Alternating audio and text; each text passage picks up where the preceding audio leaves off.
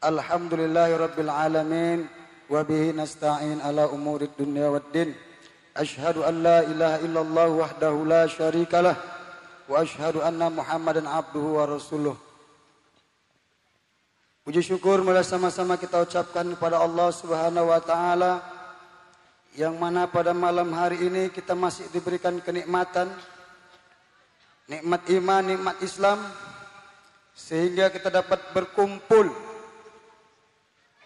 yang seharusnya kita berkumpul di masjid Baitur Rahman namun tempat tidak memadai yaitu kita berkumpul di rumah Bapak Pohan yang kesemuanya ini perkumpulan kita yaitu atas kegembiraan kita di bulan kelahiran Nabi besar Muhammad sallallahu alaihi wasallam. Salawat berangkaikan salam mari sama-sama kita hadiahkan kepada junjungan alam Nabi besar Muhammad sallallahu alaihi wasallam. Mudah-mudahan dengan salawat yang kita bacakan, kita lantunkan, kita semua mendapatkan syafaatnya, mendapatkan pertolongan oleh baginda Nabi besar Muhammad sallallahu alaihi wasallam. Allahumma salli wa sallim wa barik alaihi. Bapak-bapak, Hadirin sidang jamaah yang dirahmati Allah Subhanahu wa taala dan yang kami muliakan Al Habib Haikal Al Idrus beserta guru kita Kiai Haji Mufti Ahmad Nausihin begitu juga para habaib lainnya yang tidak dapat saya sebutkan satu persatu yang dimuliakan oleh Allah Subhanahu wa taala. Berdirinya saya di sini yaitu selaku pengurus Majelis Al Barokah terutama mengucapkan ribuan terima kasih terutama mengucapkan ribuan terima kasih kepada bapak-bapak pengurus BKM Masjid Baitur Rahman. Begitu juga perwiritan ibu-ibu Masjid Baitur Rahman yang sangat antusiasnya ingin mengharapkan majelis taklim Darussofa agar diturunkan di tempat ini. Mudah-mudahan antusias daripada bapak-bapak, ibu-ibu masyarakat dusun dusun 13 mudah-mudahan dibalas oleh Allah Subhanahu wa taala. Amin amin ya rabbal alamin. Saya kagum sekali dengan ibu-ibu yang berada di lingkungan ini. Saya lihat kemarin antusiasnya yang menyumbangkan berupa makanan, berupa uang untuk agar terselenggaranya acara kita pada malam hari ini. Mudah-mudahan acara kita pada malam hari dapat diridhoi oleh Allah Subhanahu wa taala. Mungkin ini saja sekaligus kata sambutan sekaligus protokol bagi saya. Kita masuki acara selanjutnya yaitu nantinya kata sambutan yang akan disampaikan oleh BKM Masjid Baitur Rahman yang disampaikan oleh Bapak Lolo Segar dan selanjutnya nanti tausiah yang nantinya akan diserahkan kita serahkan guru kita Kiai Haji Mukni Ahmad Nasin. Mungkin ini saja yang dapat kami sampaikan. Bila taufik wal hidayah. Wassalamualaikum warahmatullahi wabarakatuh.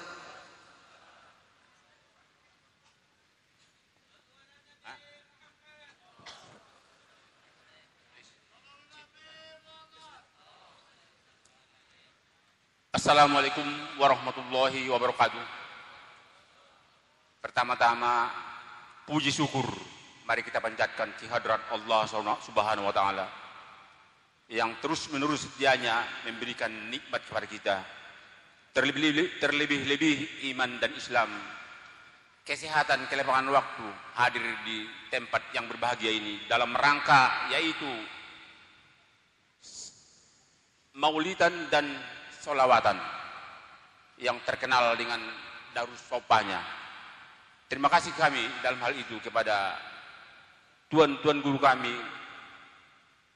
terkhusus saudara Muklis dan CS dan lain-lainnya. Selamat berikan salam ke hari banjung kita Nabi besar Muhammad sallallahu alaihi wasallam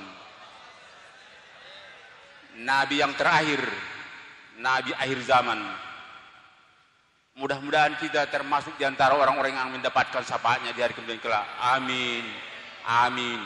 Amin ya rabbal alamin. Tuan-tuan guru kami, bapak-bapak, saudara-saudara, hadirin wal hadirat yang dirahmati Allah Subhanahu wa taala. Sebenarnya tidaklah banyak kami menyampaikan ini. Mudah-mudahan kita selamat sukses jauh dari mara bahaya dan bala. Dan terima kasih kami kepada khusus Bapak pihak keamanan yaitu Bapak Sahrul yang mengarahkan kami supaya mudah-mudahan kondusif acara ini. Karena dengan arahan dia kami pun percaya diri dalam hal ini. Di samping daripada itu, terima kasih kami juga kepanitiaan yang lain-lainnya yaitu ibu-ibu perwira Baitur Rahman ataupun BKM Baitur Rahman sekitarnya. Baitur Rahman ini tidak hanya Seirotan yang memilikinya. Tembung, Bandar Kelipa, pas di perbatasan ini, di sudut. Dalam hal ini, kira sekianlah kata sambutan dari kami kurang dan lebihnya mohon dimaafkan. Jangan ada perhitungan kita di akhir kemudian kelak mudah-mudahan sukses berjalan dengan sebagaimana yang kita harapkan. Billahi taufiq wal hidayah. Assalamualaikum warahmatullahi wabarakatuh.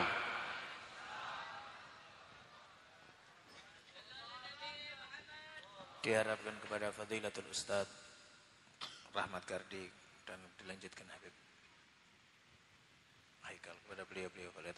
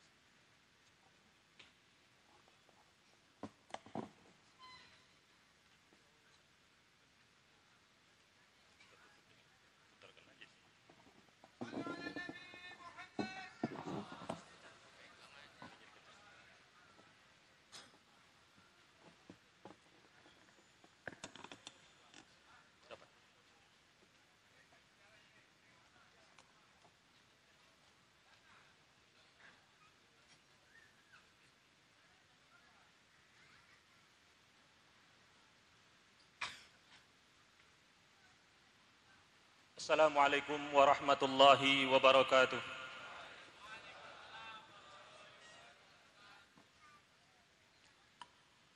Alhamdulillah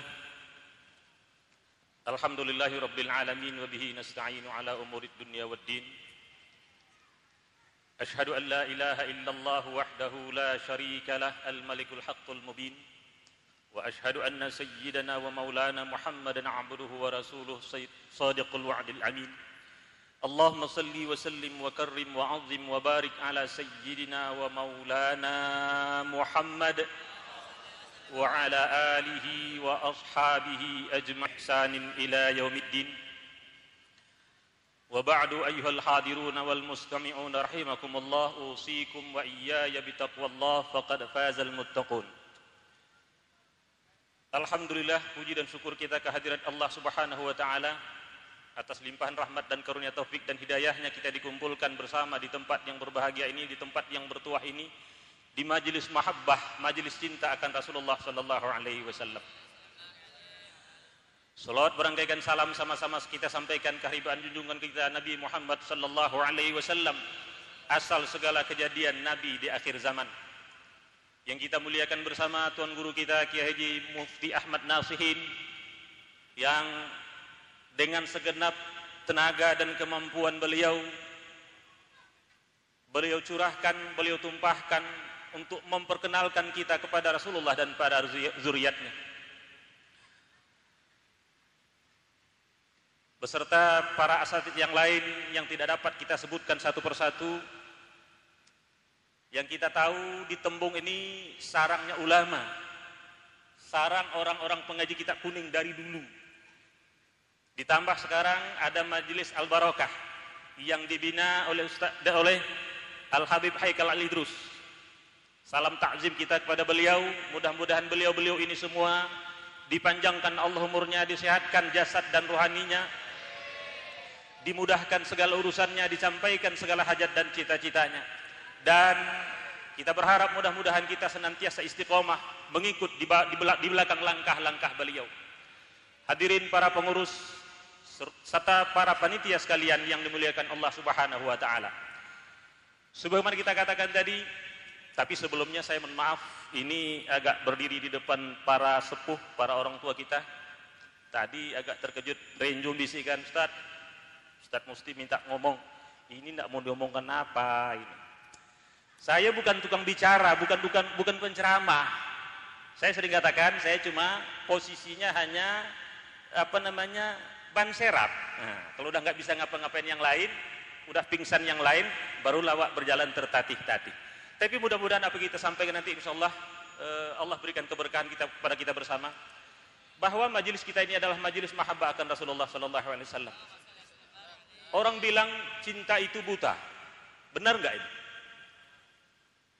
Kalau cinta itu buta, rasanya nggak mungkin. Orang pasti milih-milih, yang agak ganteng dikit, yang agak cantik sedikit, yang agak harta, hartanya ada sedikit, atau akhlaknya agak bagus sedikit. Saya kurang sepakat mengatakan cinta itu buta. Tapi kalau cinta membutakan benar. Cinta membutakan benar. Cinta membuat orang menutup mata dari yang lainnya itu benar. Bagaimana para sahabat mencontohkan dalam perilaku beliau mencintai Rasulullah sallallahu alaihi wasallam. Kita sekedar mengulang-ulang kaji apa yang telah disampaikan oleh guru-guru kita. Sirina Ali bin Abi Thalib ketika Rasulullah sallallahu alaihi wasallam akan berangkat hijrah. Kita tahu bagaimana Rasul dikepung oleh kafir Quraisy. Tidak ada jalan keluar secara logika, secara akal tidak ada jalan keluar. Namun ketika itu Sirina Ali bin Abi Thalib siap menggantikan posisi Rasulullah yang jelas ini menggantikan orang untuk mati. Di mana para kafir Quraisy dengan para algojonya siap akan membunuh Rasulullah. Ini menunjukkan bahwa cinta membutakan. Cinta menutup daripada segala macam yang lainnya. Tuan guru kita sering mengatakan, orang yang cinta tak butuh kepada dalil.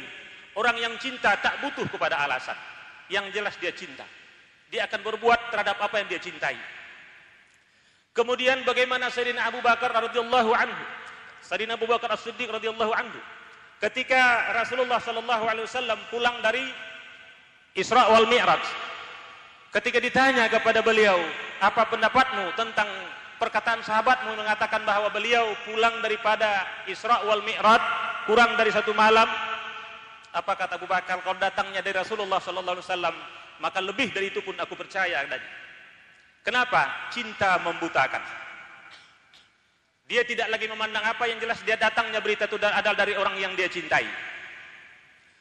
Kemudian bagaimana pula Sayyidina Umar Ibn Khattab yang kita ketahui ketika datang berita bahwa Rasulullah sallallahu alaihi wasallam yang beliaunya adalah setinggi dan seagung apa pun tidak dapat dipungkiri bahwa beliau adalah manusia Walaupun beliau bukan manusia biasa, yang jelas beliau adalah manusia, beliau adalah makhluk yang setiap yang bernyawa pasti mengalami mati.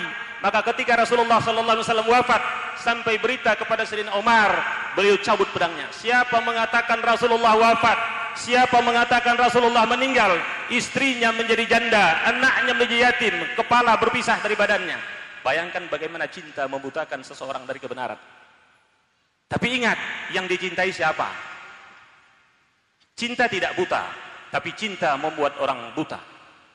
Bagaimana Tuan Guru kita pernah menceritakan kisah Majnun Laila ketika ditanya oleh raja, apa yang kau buat kecantikan pada Laila? Kecantikan apa yang kau nampak pada Laila? Biasa saja. Apa kata beliau? Tuan kalau ingin melihat kecantikan Laila, Tuan silahkan pinjam sepasang bola mata saya untuk melihat kecantikannya. Artinya apa? Ketika sudah cinta, yang lain tidak dapat tidak punya tempat dalam hatinya. Apa pun, bagaimanapun bentuk dan ukuran yang lain tidak punya tempat di dalam hatinya. Bagaimana Ummu Sulaim ini kita hanya mengulang-ulang ya. Saya pun tidak tidak punya perbendaharaan apa-apa. Ummu Sulaim senantiasa mengumpulkan keringat Rasulullah yang dia simpan. Kalau logikanya ngapain juga keringat disimpan? Terlepas dia memang wanginya luar biasa, tapi yang jelas ini cinta membutakan, saudaraku. Cinta membutakan.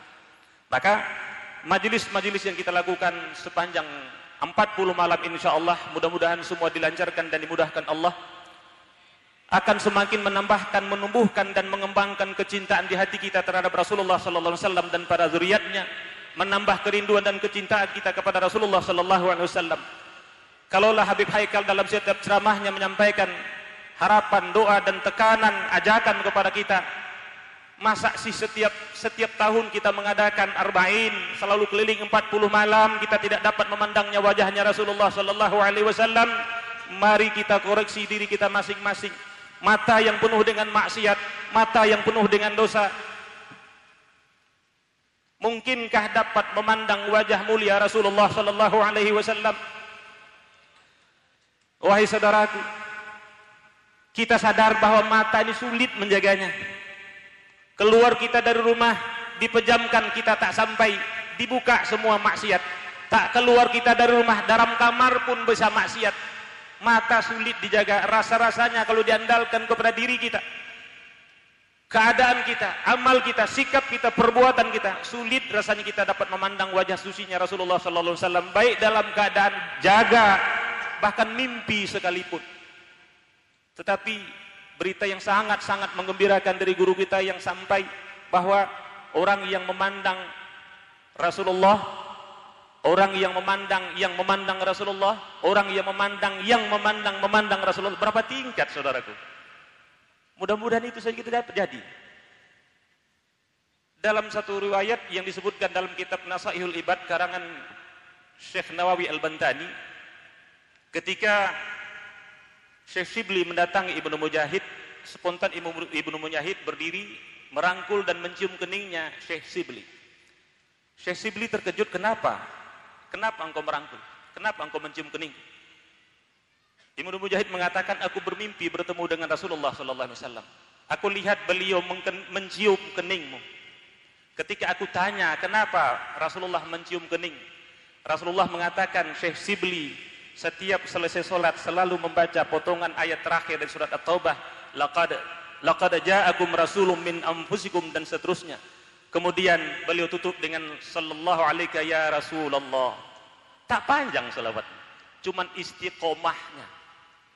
Kita berharap mudah-mudahan rasanya sekeras apapun hati itu kalau selantiasa mendapatkan siraman-siraman daripada para guru kita, para habaib kita, tak masuk rasanya di akal kita tak sedikit pun membekas. Mudah-mudahan akan membekas dalam hati kita membawa kerinduan dan mahabbah kita kepada Rasulullah.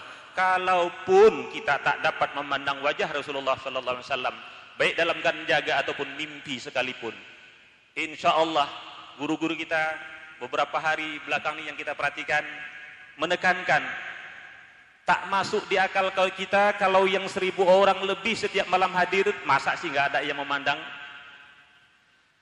satu riwayat yang pernah kita dapati bahwa ada satu orang yang ketika dihisap di padang mahsyar dia tidak punya amal catatan apa pun untuk dapat menyelamatkan dia. Amalnya sudah disita. Tapi begitu diperiksa ternyata ada satu hal yang dapat menyelamatkan beliau. Apa itu? Dia pernah bersalaman dengan orang yang bersalaman dengan ulama solihin. Dia pernah bersalaman dengan orang yang pernah bersalaman dengan orang soleh. Jadi kita senantiasa ditemukan dengan orang-orang soleh. Alhamdulillah guru kita memperkenalkan kita dengan para solehin, para aulia, para para habaib yang tak jarang bahkan ulama yang diperkenalkan kepada kita bukan hanya skala kampung bahkan juga skala internasional. Alhamdulillah keberkahan keberadaan tuan guru kita mudah-mudahan kita senantiasa berharap dan kita senantiasa berharap. Mudah-mudahan beliau panjangan umur beliau Allah panjangan umur beliau mudahkan segala urusan beliau. Ini pasangan duet yang dua ini saya selalu katakan kepada kawan-kawan rugi rugi rugi siapa pun yang melepaskan keterikatan dengan beliau apa pun alasannya. Hadirin yang dimuliakan Allah mudah-mudahan tetesan demi tetesan setiap malam yang kita terima dari para para guru kita akan menyejukkan hati kita mudah-mudahan. Terlepas daripada segala macam kesalahan, kekurangan kita dan maksiat kita, Allah berikan karunia kepada kita untuk dapat memandang wajah sucinya Rasulullah sebelum ruh keluar dari jasad kita. Barangkali ini yang dapat kami sampaikan salah dan janggal mohon diperbaiki oleh para guru kita. Insya Allah para guru kita akan menguraikan yang lebih luas. Kepada Allah kita mohon ampun kepada semua yang hadir Mohon diperbanyak maaf billahi taufik wal hidayah. Wassalamualaikum warahmatullahi wabarakatuh.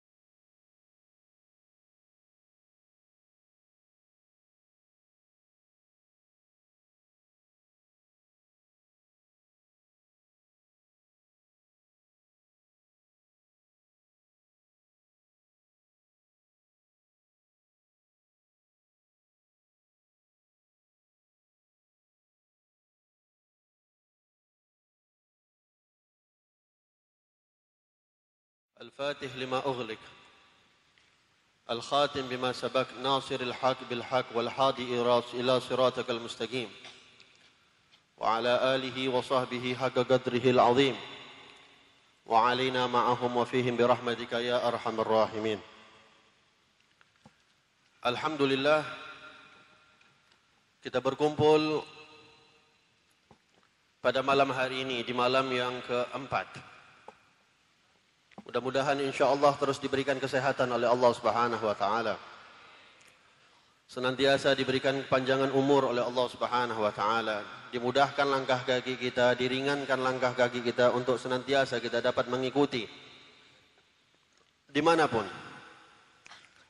perayaan-perayaan Maulid baginda Nabi Muhammad sallallahu alaihi wa alihi wasallam. Kita berkumpul semua tidak lain dan tidak bukan ingin mengimplementasikan, ingin menunjukkan rasa mahabbah kita kepada baginda Nabi Muhammad sallallahu alaihi wasallam. 40 malam kita keliling. Mungkin dulu kemarin kita keliling di ujung medan yang satu. Malam ini kita kumpul di medan ujung medan yang satunya lagi. Allah alam besok entah di mana, entah di mana akan tetapi jarak yang jauh, masafah yang ba'idah, semuanya terasa dekat kalau itu ditujukan untuk Nabi Muhammad. Semuanya jadi ringan kalau itu ditujukan untuk Nabi Muhammad. Semuanya jadi mudah kalau itu ditujukan untuk Rasulullah sallallahu alaihi wasallam. Mudah-mudahan secuil daripada pengorbanan yang kita lakukan dianggap besar di sisi Allah Subhanahu wa taala. Secuil sedikit pengorbanan yang kita lakukan mudah-mudahan dapat membahagiakan hati baginda Nabi Muhammad sallallahu alaihi wasallam. Kemarin kita memuji Nabi, dua hari yang lalu kita memuji Nabi, tiga hari yang lalu kita memuji Nabi, besok kita memuji Nabi, malam ini kita memuji Nabi, lusa kita memuji Nabi. Sampai 40 malam kita memuji Nabi. Sampai 41, 400, 4000 tahun kalau kita diberikan kesempatan hidup oleh Allah Subhanahu wa taala, masa-masa itu kita pakaikan untuk memuji Nabi Muhammad. Seumur umur-umur hidup kita semuanya kita berikan untuk memuji Rasulullah sallallahu alaihi wasallam. Karena ini adalah perintah daripada Allah Subhanahu wa taala. Allah yang menyuruh kita untuk memuji Rasulullah. Allah yang memuji kita untuk mengagungkan Rasulullah. Allah yang menyuruh kita untuk memuliakan Nabi Muhammad. Sungguh merugi orang-orang yang masih di dalam hatinya berfikir bahwasanya apa yang kita lakukan ini adalah satu hal yang berlebihan. Yang disebut hanya Nabi Muhammad, hanya cinta kepada Rasulullah, hanya kecinta kepada Nabi Muhammad itu saja yang kita dengarkan. Ustadz Mufti menyampaikan hal yang demikian. Para asatidah yang lain juga menyampaikan yang demikian. Yang disampaikan hanya cinta kepada Rasulullah. Ada orang-orang bertanya, kenapa enggak pernah menyampaikan cinta kepada Allah? Kok yang hanya disampaikan cinta kepada Rasulullah, apakah Allah tak perlu dicintai? Apakah Allah tak perlu disebut? Maka hati-hati ya ikhwan, orang-orang yang mempunyai pemikiran semisal ini, takutnya anda sudah syirik kepada Allah subhanahu wa ta'ala. Orang-orang yang berani memisahkan antara cintanya Allah dan cintanya Rasulullah, hati-hati. Takutnya orang ini sudah masuk ke dalam kesyirikan kepada Allah subhanahu wa ta'ala. Karena cinta kepada Allah cinta kepada Rasulullah adalah satu paket yang tidak akan pernah bisa dipisahkan. Gak bisa kita mengatakan saya hanya cinta kepada Allah tapi tak cinta kepada Rasulullah. Gak bisa juga kita mengatakan saya hanya cinta kepada Rasulullah tetapi saya tak cinta kepada Allah. Ini dua paket yang harus walaupun terkadang kita hanya menyebut salah satunya akan tetapi yang kita tujukan adalah kedua-duanya. Karena hakikatnya ketika kita mencintai Rasulullah, ya kita mencintai Allah. Kalau kita mengaku diri kita mencintai Allah, konsekuensinya harus cinta kepada Rasulullah. Ini satu paket yang gak akan pernah bisa dipisahkan. Sehingga lihat bagaimana Allah mengajarkan kepada kita di dalam Al-Quran Allah sebut. Yahlifuna billahi lakum liyurdukum. Wallahu wa rasuluhu ahaku ayyarduhu. Mereka orang-orang munafik. Mereka bersumpah dengan atas nama Allah kepada kalian wahai Muhammad. Untuk mendapatkan ridhonya engkau wahai Muhammad.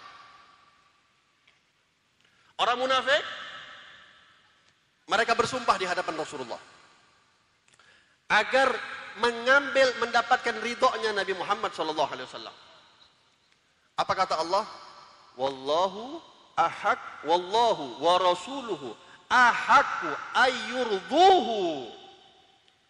Allah berkata, sesungguhnya Allah dan Rasulnya yaitu Nabi Muhammad. Apa kata Allah? Ahaku ayyurduhu. Itu lebih berhak lebih pantas untuk diambil ridhonya. Yang ingin kita bahas di sini adalah Allah menggunakan ayyurduhu. Allah pakai domir, domir mufrad. Huwa. Seharusnya kalau Allah menyebutkan Allah dan Rasulnya, maka Allah akan mengatakan ayyurduhuma. Tapi disatukan oleh Allah Subhanahu wa taala karena hakikatnya ridhonya Allah adalah ridhonya Rasulullah. Karena hakikatnya di ridhonya Rasulullah adalah ridhonya Allah. Di dalam hadis Nabi SAW juga pernah bersabda, Thalathun, idha wajada fi qalbil mu'min, idha wajada fi qalbil mu'min, wajada alawatal iman.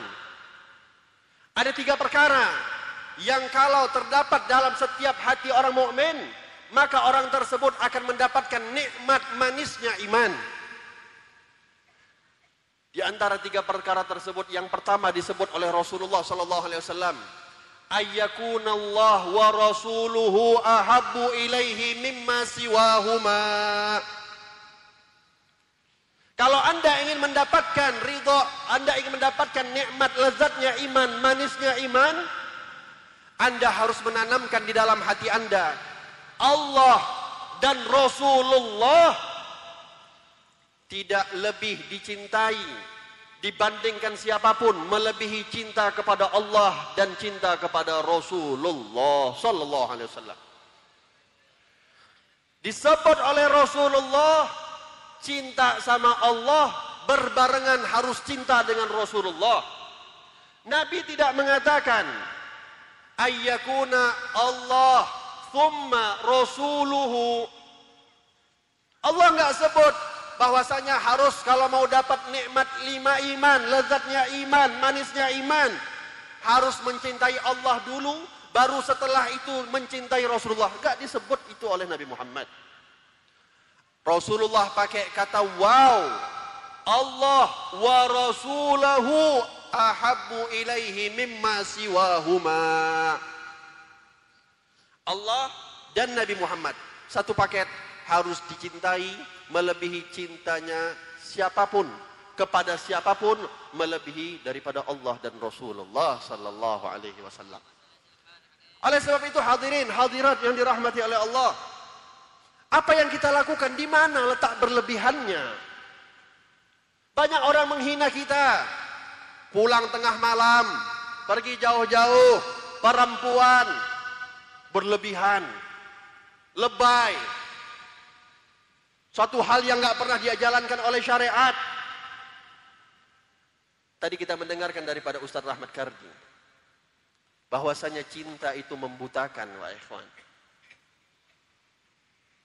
Kalau kita mau bandingkan apa sih lebaynya kita, apa sih berlebihan yang kita lakukan? Kalau dibandingkan berlebihan yang dilakukan oleh sahabat kepada Nabi Muhammad, kalau kita mau bandingkan apa yang kita lakukan dengan apa yang dilakukan oleh para sahabat untuk Rasulullah, mau dibilang ujung kuku, seujung kuku pun nggak ada apa-apanya apa yang dilakukan oleh para Rasul, para sahabat Nabi Muhammad kepada kita, kepada Rasulullah dibandingkan kita yang melakukan kepada Rasulullah. Apa sih hebatnya kita? Yang kita lakukan paling apa? Naik odong-odong dari tembung. Ke mana? Ke Semencirim semalam. Itu berlebihan? Atau kita mungkin yang dari Semencirim malam hari ini ke tembung. Naik motor. Itu berlebihan? Kita yang cuman pulang tengah malam, pulangnya pun enak, dapat makanan, itu yang berlebihan? Kalau dia mendengar orang-orang yang berbicara berlebihan dengan apa yang kita lakukan, coba bayangkan apa yang dilakukan para sahabat kepada Nabi Muhammad. Gak tahu lagi kita mau bilang mungkin itu udah di atas kata, di atas kata berlebihan. Malik ibn Sinan, seorang salah seorang sahabat. Ketika di perang Uhud, Rasulullah Shallallahu Alaihi Wasallam ketika mengikuti perang Uhud bersama paman beliau Sayyidina Hamzah bin Abdul Muthalib dan pembesar para sahabat di antaranya Sayyidina Abu Bakar dan para sahabat yang lainnya. Ketika perang Uhud Rasulullah juga termasuk salah satu korban bahkan dikatakan Rasulullah hampir wafat di perang Uhud. Sampai Nabi Shallallahu Alaihi Wasallam terkena pukulan daripada orang-orang kafir Quraisy. Nabi ketika itu memakai helm besi terkena pukulan daripada orang kafir Quraisy. Ada ujung di kanan kiri besi. Daripada helmnya Nabi Muhammad masuk besi itu sampai nembus kepada gusi Rasulullah. Sebelah kanan tembus, yang sebelah kiri pun tembus. Bercucuran darah Rasulullah. Sampai Nabi Muhammad menahan. Gak mau ada satu tetes yang turun, yang jatuh darah Rasulullah ke atas muka bumi. Karena Nabi punya sifat rahmat, Nabi nggak mau gara-gara kalau ada satu tetes yang jatuh ke atas muka bumi, mereka orang-orang kafir Quraisy akan diberikan azab oleh Allah. Sudah demikian Rasulullah dilakukan, dibuat oleh orang Quraisy, orang kafir, akan tetapi Nabi nggak mau azab bagi mereka. Sampai Nabi saking menjaga darahnya berluber, ditahan oleh Rasulullah bercucuran. Abu Ubaidah Al-Jarrah ketika itu mendatangi Rasulullah diambil didekati daripada giginya Abu Ubaidah. Ketika itu Abu Bakar As-Siddiq ingin tarik pakai tangan kesakitan Nabi Muhammad. Gak tega Sayyidina Abu Bakar. Akhirnya Abu Ubaidah mengatakan ya Rasulullah biar aku yang tarik kata Rasulullah bagaimana engkau mau tarik aku tarik pakai gigiku ya Rasulullah Ditarik oleh Abu Ubaidah, satu yang di sebelah kanan ditarik, satu gigi Abu Ubaidah tercopot. Saking dalamnya tembusnya besi Rasulullah. Sebelah kiri ditarik lagi oleh Abu Ubaidah. Enggak jerah Abu Ubaidah.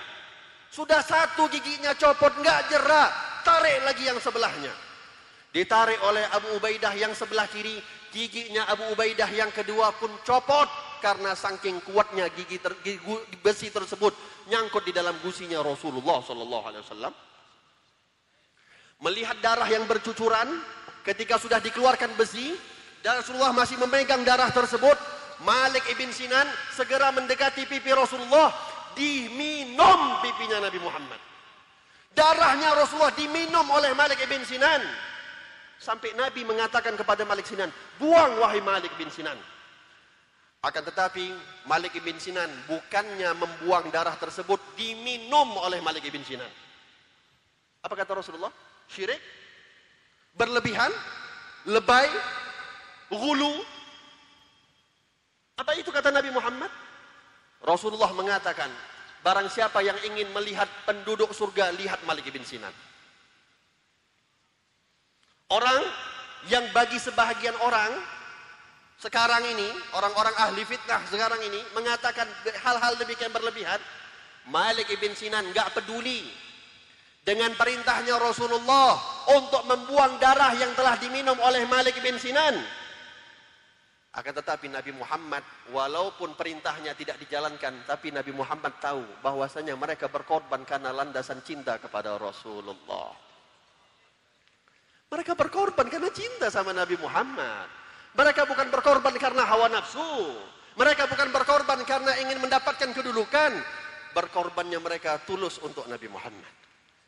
Yang mana mereka yakin kalau mereka sudah dapat cintanya Rasulullah, mereka pasti otomatis dapat cintanya Allah Subhanahu wa taala. Sayyidina Abdullah bin Zubair ketika Rasulullah sallallahu alaihi wasallam itu baru selesai bekam, diperintah oleh Nabi, wadah hasil daripada darah bekam yang keluar disuruh oleh Rasulullah kepada Abdullah bin Zubair untuk dibuang. Kata Rasulullah, engkau buang ini darah ke tempat yang satu orang pun tidak ada yang bisa melihat. Akhirnya dicari oleh Abdullah bin Zubair. Pergi ke sana, ada orang. Pergi ke sini, ada orang. Akhirnya Abdullah bin Zubair nggak mau habis pikir. Dia sembunyi, dia minum itu darah. Udah pernah bekam? Kalau yang pernah bekam tahu, yang dibekam itu bukan darah bersih. Beda dengan Anda kalau donor darah. Donor darah itu yang diambil darah bersih. Bekam itu darah kotor yang dikeluarkan. Tapi Abdullah bin Zubair tahu, nggak ada yang kotor daripada Rasulullah. Apakah Anda pikir Abdullah bin Zubair ini nggak ngerti fikih? Apakah Abdullah bin Zubair Anda pikir ini nggak ngerti bahwasanya hukum darah itu adalah najis? Apakah anda mengatakan Abdullah bin Zubair ini nggak paham ilmu bahwasanya meminum najis itu haram? Hakikatnya Abdullah bin Zubair adalah orang yang paling paham bahwasanya darah yang keluar kalau itu daripada Rasulullah tak ada satupun yang najis daripada tubuh Nabi Muhammad.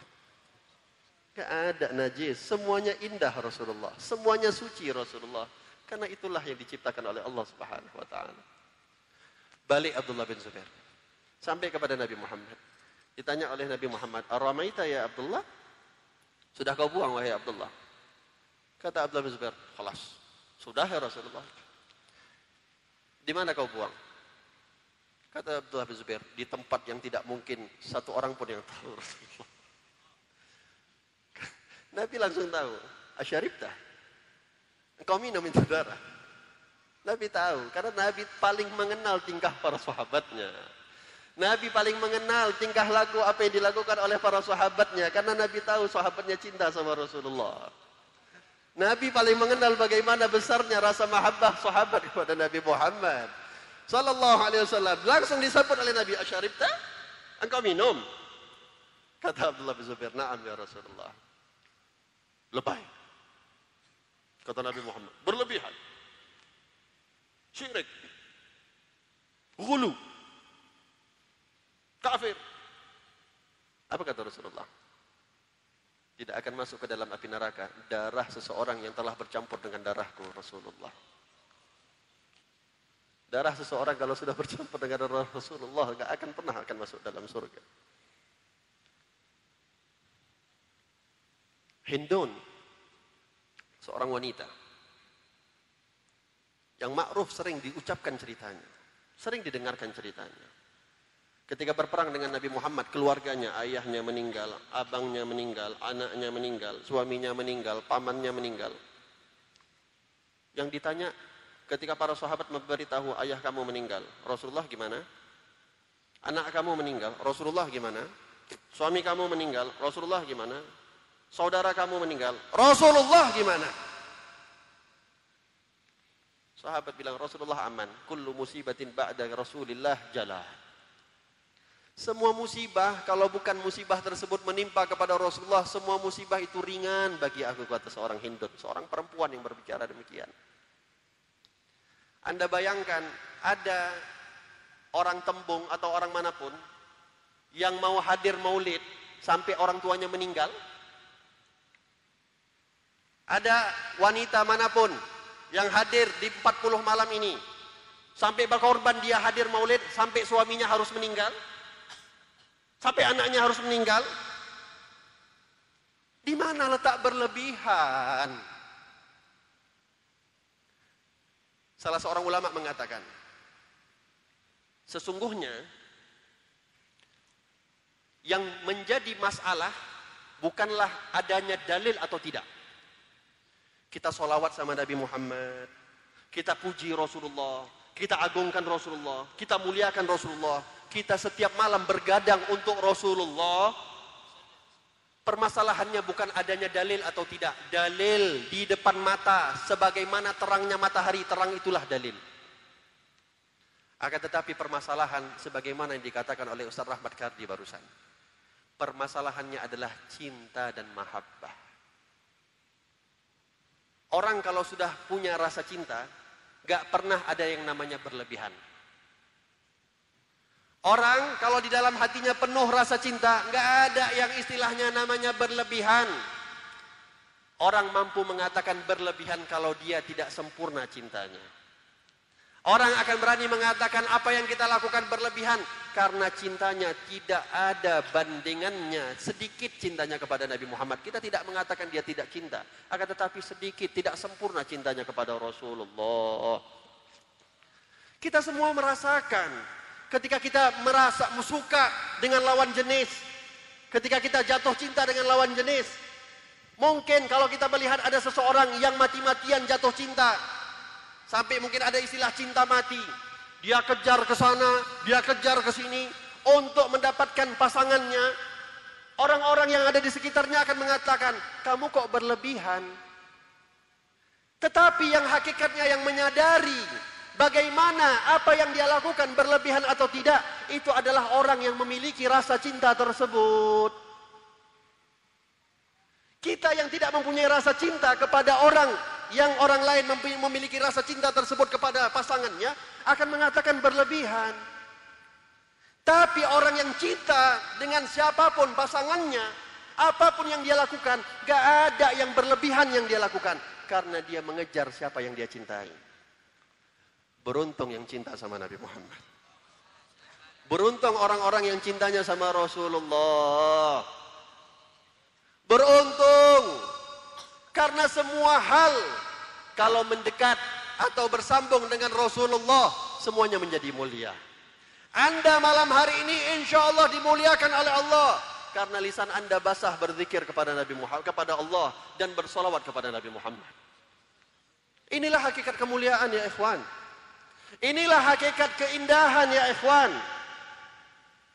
Ketika kita dapat lisan kita bersalawat dengan tenang, dengan nikmat, dengan khusyuk menyebut nama baginda Nabi Muhammad.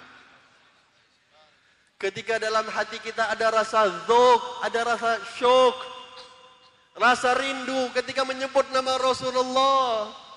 Ketika kita mahalul qiyam, ada di antara kita yang meneteskan air matanya karena rasa rindunya kepada Nabi Muhammad inilah kemuliaan ya ikhwan oleh sebab itu dikatakan oleh salah seorang syair فإذا مدحت محمد بقصيدتي ولقد مدحت محمد ولقد مدحت قصيدتي بمحمد فإذا مدحت محمد بقصيدتي فلقد مدحت قصيدتي بمحمد Ketika aku ingin memuji, ketika syairku menjadi terpuji, ketika aku memuji Nabi Muhammad dengan syairku, hakikatnya syairku yang terpuji karena yang aku puji adalah Nabi Muhammad.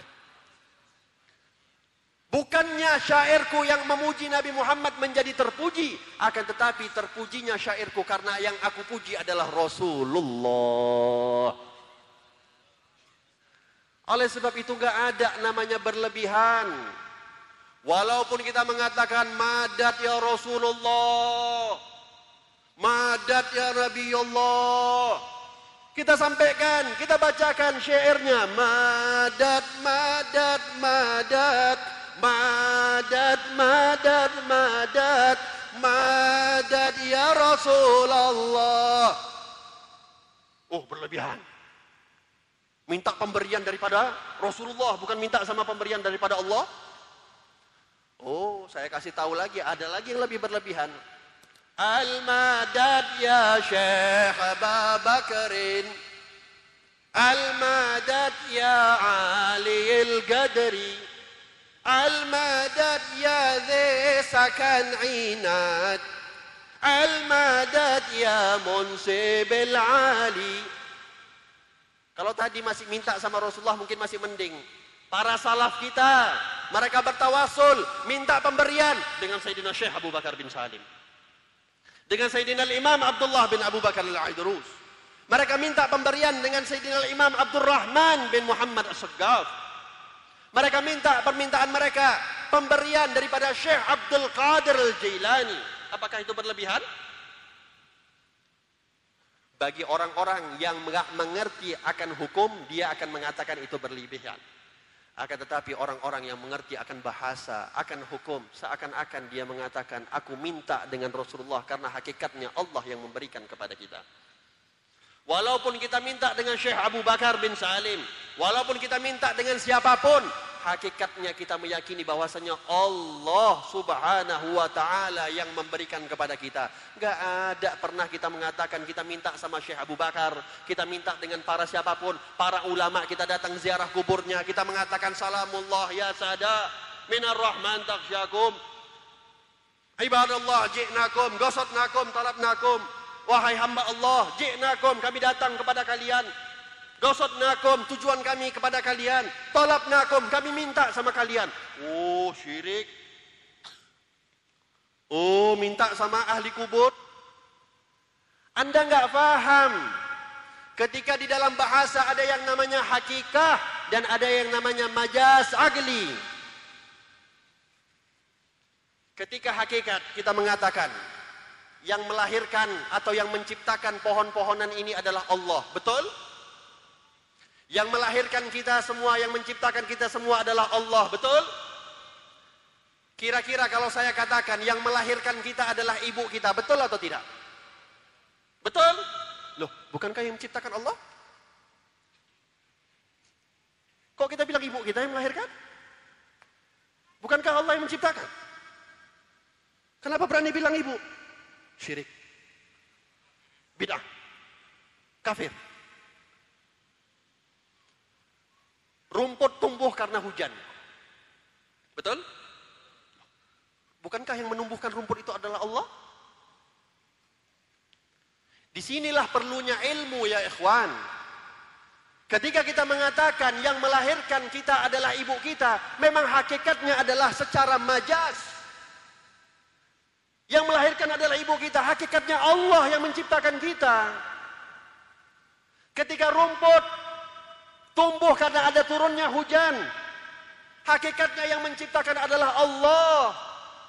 Begitu juga ketika kita mengatakan madad ya Rasulullah, madad ya Syekh Abu Bakar bin Salim, madad semua para ulama, kita ziarah kepada kubur, kita minta, hakikatnya kita minta kepada mereka hanya untuk tawassul agar mereka menyampaikan permintaan kita kepada Allah Subhanahu wa taala.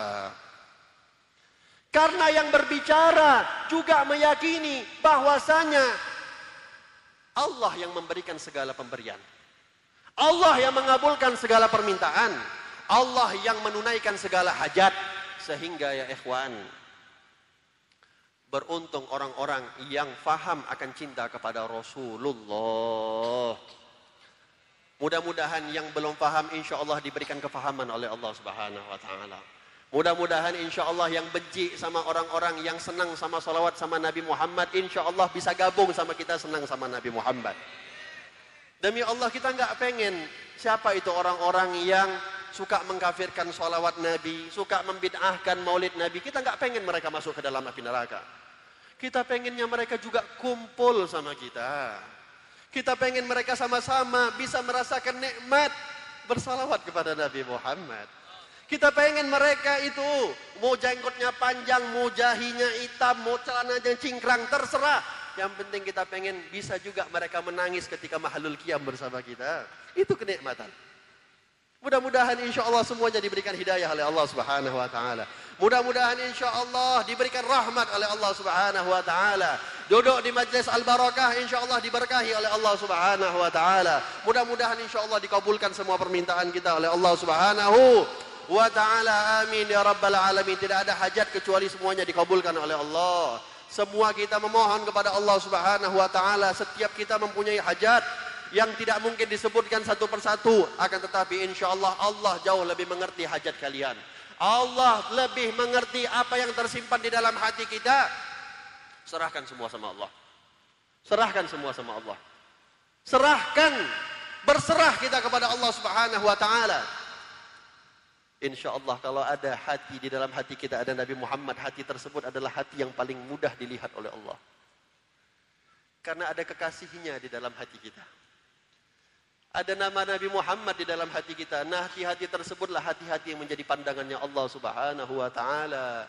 Mudah-mudahan Allah Subhanahu wa taala menambahkan terus rasa mahabbah kita kepada Nabi Muhammad. Mudah-mudahan ditambahkan terus rasa cinta kita kepada Rasulullah. Ditambahkan terus rasa rindu kita kepada Nabi Muhammad sallallahu alaihi wa ala alihi wasallam. Ditambah terus oleh Allah, ditambah terus oleh Allah sehingga kita mati dalam keadaan membawa cinta kepada Nabi Muhammad.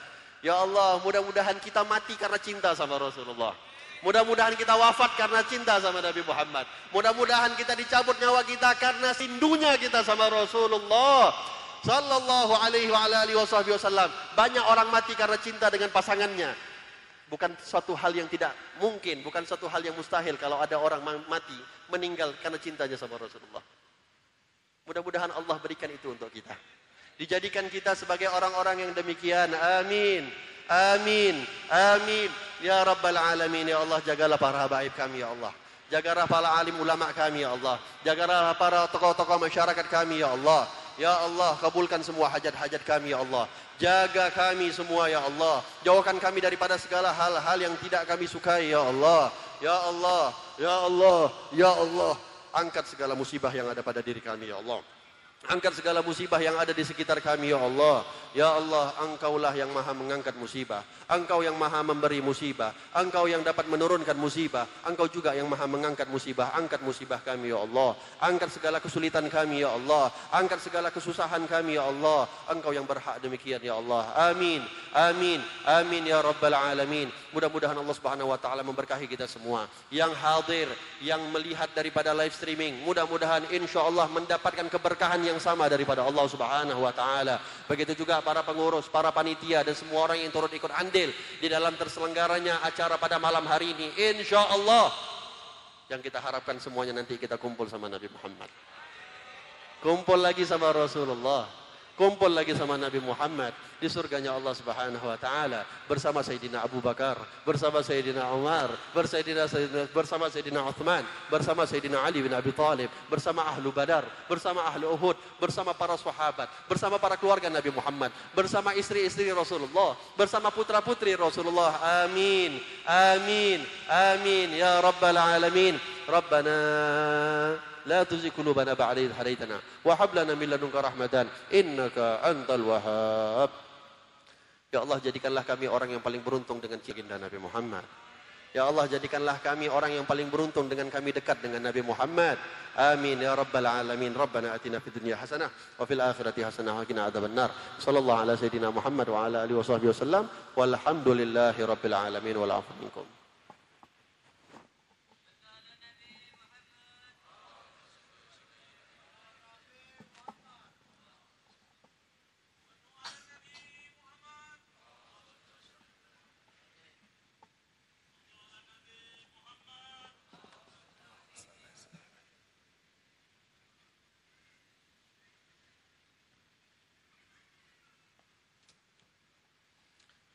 السلام عليكم ورحمة الله وبركاته.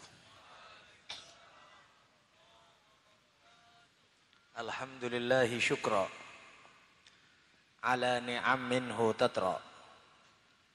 نحمده سرا وجهرا وبالغدايا والآصال.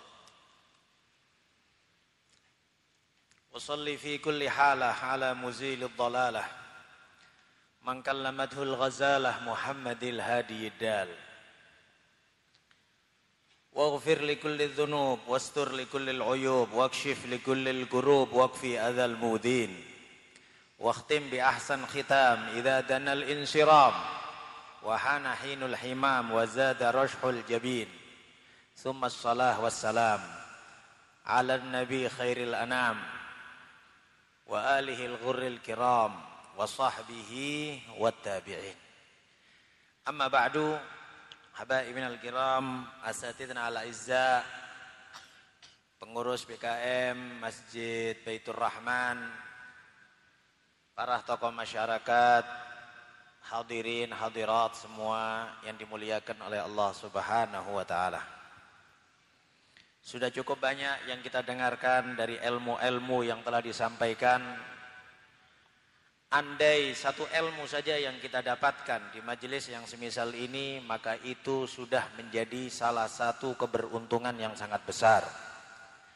Dahulu Sayyidina Abdullah bin Mas'ud radhiyallahu anhu wa ardah, sahabat Rasulullah dari kota Madinah.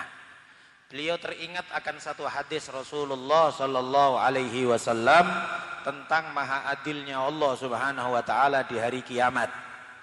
Sehingga nanti di hari kiamat Allah subhanahu wa ta'ala memastikan keadilannya. Allah nyatakan ana ahkamul hakimin. Aku yang paling adil dari semua yang adil. Ketentuanku tidak mungkin penduduk surga masuk dalam surganya sedangkan masih ada kedoliman yang belum terselesaikan di padang mahsyar. Dan tidak mungkin penduduk neraka masuk dalam nerakanya sebelum adanya penyelesaian dengan semua urusan di padang mahsyar. Sampai hewan yang di dunia memibing yang bertanduk, nyeruduk kambing yang tidak bertanduk. Nanti di hari kiamat Allah subhanahu wa ta'ala ganti kambing yang tidak bertanduk dikasih tanduk untuk nyeruduk kepada kambing yang di dunia punya tanduk nyeruduk dia yang tidak punya tanduk. Sayyidina Abdullah bin Mas'ud teringat akan hadis ini. Namun Sayyidina Abdullah bin Mas'ud tidak hadir saat Rasulullah menyampaikan tersebut. Abdullah bin Mas'ud tanya sama sahabat-sahabat yang lain siapa yang waktu itu hadir sama Rasulullah saat Nabi menyampaikan hadis itu Ada sahabat yang tahu, ada sahabat yang bilang sudah ada kita kenal tapi sudah wafat. Ada lagi yang bilang sudah pindah tapi entah ke mana. Ada satu yang memastikan, ah ada satu sahabat Al-Muzani. Yang sahabat ini adalah dengar hadir sama Rasulullah. Tapi dia sekarang sudah pindah di kota Mesir dan masih hidup. Berangkat Sayyidina Abdullah bin Mas'ud dari kota Madinah ke Mesir. Zaman tidak ada mobil. Zaman tidak ada Honda. Zaman tidak ada kereta. Zaman tidak ada odong-odong. Zaman tidak ada pesawat. Berangkat dari Madinah ke Mesir. Nanya rumah sahabat tersebut, ketok pintu. Yang dalam pintu tanya, siapa di pintu? Abdullah. Semua orang namanya Abdullah. Abdullah siapa? Abdullah bin Mas'ud. Tidak terfikir sama dia Abdullah bin Mas'ud di Mesir. Abdullah bin Mas'ud dari Madinah. Iya. cepat dibukakan sama sahibul bed, dipeluk Abdullah bin Mas'ud. Udah katanya Abdullah, udah, udah, udah, udah, selesai, selesai. Aku cuma datang kepingin tahu satu hadis saja. Hadis apa? Rasulullah pernah menceritakan tentang hadis keadilan Allah di hari kiamat, sampaikan sama aku sekarang.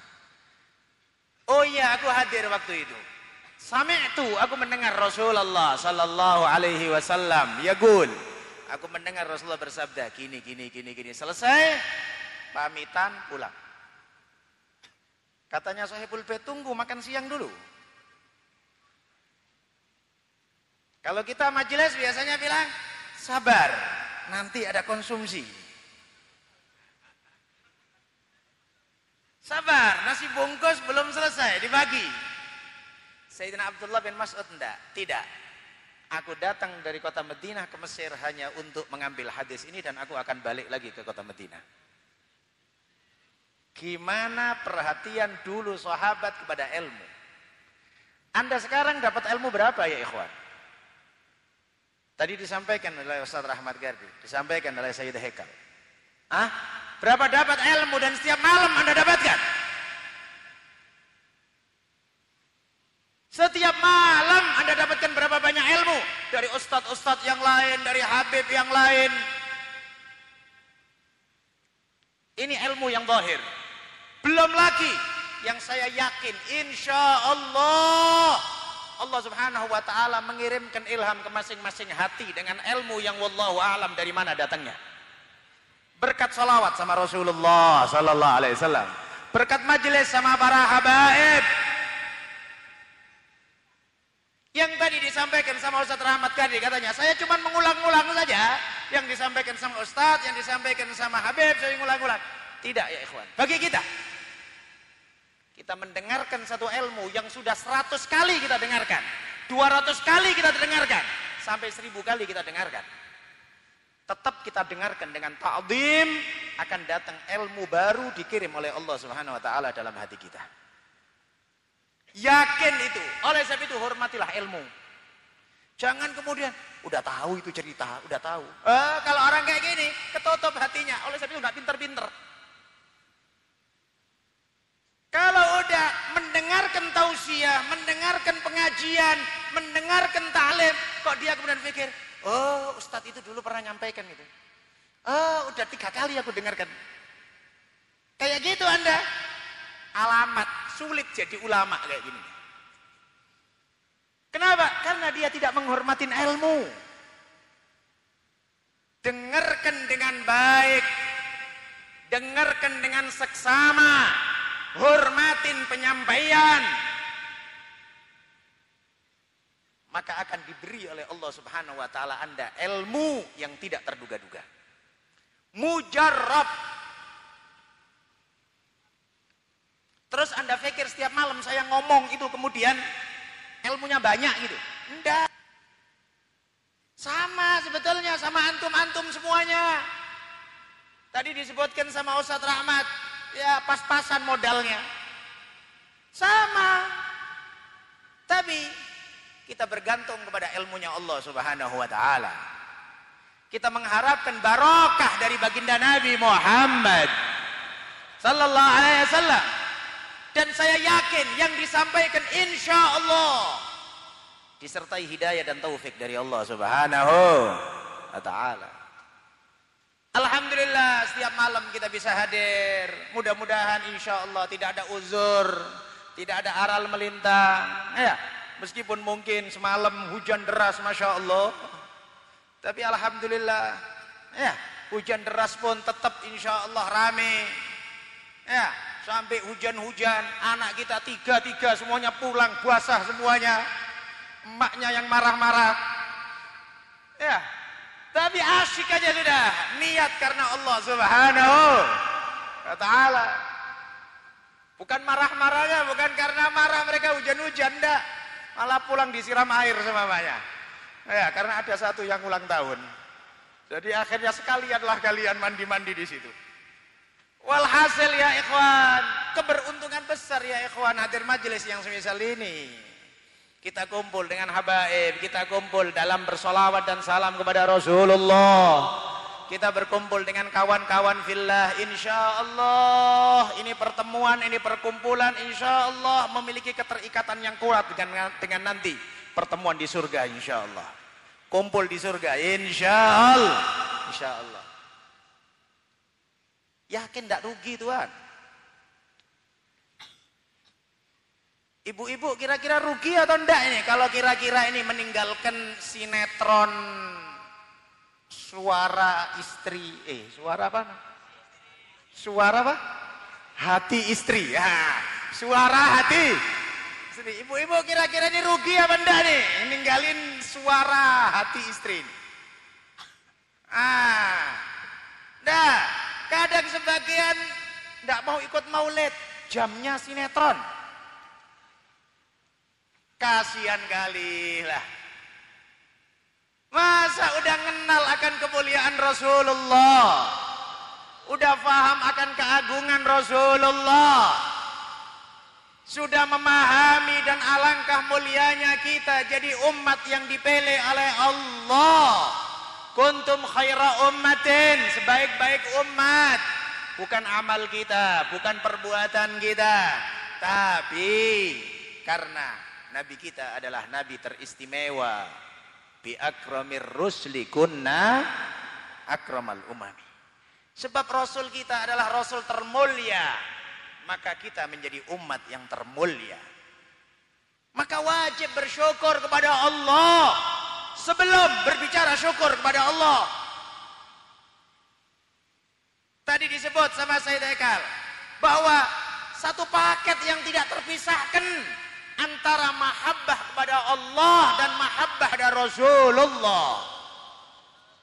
Enggak terpisahkan. Sehingga gal pernah disebutkan Sayyidina Al-Imam Ahmad At-Tijani ditanya Maka dalam meyakini Allah di dalam bertauhid beriman kepada Allah syarat utamanya adalah harus melalui pemahaman akidahnya Rasulullah. Maka kalau ada orang berakidah beriman kepada Allah tapi fahamnya berbeda dengan faham Nabi Muhammad imannya ditolak oleh Allah Subhanahu wa taala meskipun kau iman kuat sama Allah Orang Yahudi pun kuat iman sama Allah. Kuat mereka imannya sama Allah. Orang Bani Israel itu melihat mukjizat terbanyak mereka. Mereka melihat laut dibelah. Mereka melihat air keluar dari batu. Mereka melihat sebelum itu semuanya Mesir full sama kata. Full darah full belalang. Mereka melihat semuanya. Kekuatan iman yang luar biasa mereka sebetulnya. Tapi karena tidak percaya dengan Nabi Muhammad. Mereka mengingkari kenabian Nabi Muhammad. Maka mereka tidak disebut orang beriman. Orang Nasrani yakin akan Allah. Bahkan yakinnya sama Allah ditambah sama Allah punya anak. Ditambah lagi Allah punya istri. Ya nanti anaknya kawin ada juga Tuhan mertua. Tuhan besan. Tuhan pakcik makcik lengkap dah tapi karena ndak iman sama Nabi Muhammad. Mereka bukan orang mukmin. Mereka bukan orang muslim. Imannya ditolak oleh Allah Subhanahu. Maka memahami asyhadu an la ilaha illallah melalui asyhadu anna muhammadar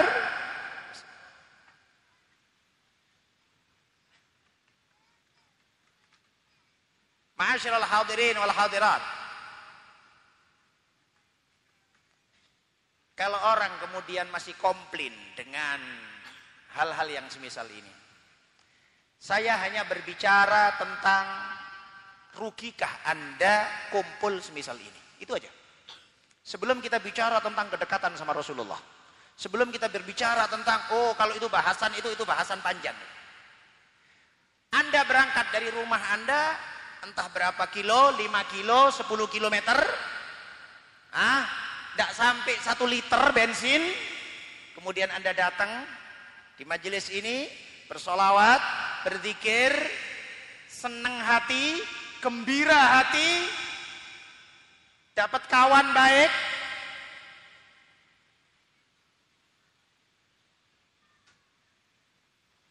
belum lagi bicara dapat ilmu, belum lagi bicara dapat kenal habaib, belum lagi dapat kita bicara akan macam-macam dari fadilah-fadilah. Ikhwan yang anda rasakan, ini lebih dari semuanya. Berapa banyak orang kaya, tidak tenang, tidur pun harus pakai obat. Banyak. Bahkan mungkin naudzubillah nggak bisa tidur karena mikirin majelis al barokah kok tambah rame. Loh, kasihan kali. Kau nggak bisa tidur gara-gara itu. Alhamdulillah kita pulang-pulang tidur enak. Ya. Alhamdulillah kita tadi malam pulang-pulang hujan-hujan. Ya, sampai di pondok dibuatin kopi sama istri. Kita minum kopi, kita berpikir nggak bisa tidur, ternyata lenyap juga. Tidur juga. Alhamdulillah pingin tidur, tidur, pingin bangun, bangun ya. Semuanya keinginan diturutin oleh Allah, kepingin sehat, sehat. Kepingin terhindar dari covid, Alhamdulillah terhindar semuanya insya Allah. Ya. Setiap malam majelis kayak gini. Kadang-kadang panitia pengurus pun juga ketir-ketir hatinya. Takut masuk penjara kayak Habib Bahar. Ya masuk penjara kok gara-gara bikin majelis. Aneh-aneh.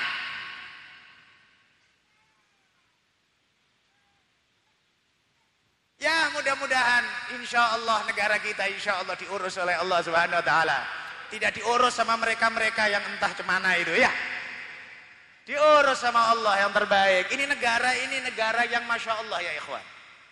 Kita ini hidup di negara, di bumi yang berkah. Ya, wallahi. Andai bukan karena aulia solihin. Andai kan bukan para bak, karena banyaknya habaib di Indonesia ini. Udah dari dulu ini Indonesia hancur ini udah dari dulu udah. Teringat kali disebutkan Al Habib Soleh Tanggul ditanya tentang kekhawatiran PKI yang ada di Indonesia pada saat beliau. Beliau mengatakan Allah akan cabut itu PKI dari tanah asalnya, bukan dari sini. Dari sumber asalnya dicabut sama Allah nanti. Dirusak sama Allah. Dari mana? Soviet. Katanya Habib Soleh Tanggul. Dari Soviet nanti akan dirusak sama Allah Subhanahu wa taala. Betul? Sudah sangat mengkhawatirkan dikuasai sama PKI. Tapi penjagaan Allah Subhanahu wa taala.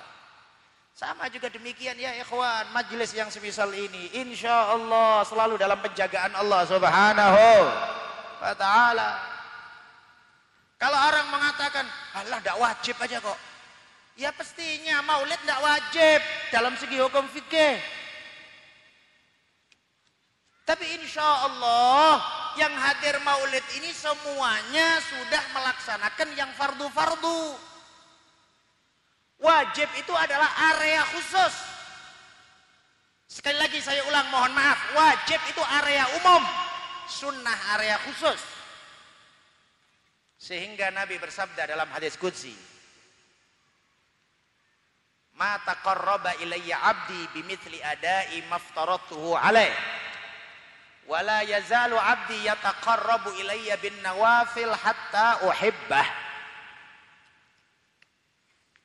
Tidaklah hambaku mendekatkan diri kepadaku. Semisal dia melaksanakan yang fardu-fardu. Udah fardu harus ditambah dengan sunnah. Baru masuk area khusus wala yazalu abdi yataqarrabu ilayya bin nawafil hatta uhibbah. Dan hambaku akan selalu selalu menambah yang sunnah-sunnah. Dia sholat isya tapi dia juga sholat qobliyah ba'diyah. Dia sholat maghrib dia juga sholat qobliyah atau dan juga ba'diyah. Dia sholat tahajud dia sholat duha setelah dia sholat fardu pastinya dan kita yakin semuanya. Yang hadir majelis ini semuanya sholat isya apa tadi? Sholat isya. Ya jangan pula hadir maulid nggak sholat isya. Awam kali lah itu. Kayak orang kampung kadang tidak sholat isya tapi ikut wirid. Ada ada ada ada. Ada. Hadir orangnya saya nggak ngerendahin wirid tidak. Wirid bagus. Tapi sholat isya fardu. Kalau boleh dikatakan yang sunnah itu hiasan supaya tambah ganteng supaya tambah gagah. Pakai rida. Pakai kopiah. Agak gemuk dikit pakai sabuk supaya nampak dak gemuk kali itu sunnah wajibnya nutup aurat pakai celana pakai sarung itu wajib jadi kalau sholat is, nggak sholat isya, tapi wirid malam Jumat, pakai sabuk, nggak pakai celana, nggak pakai sarung. Jangan dibayangin. Apalagi kalian bayangin torik. Wallah nggak boleh, dosa kalian. Jangan dibayangkan.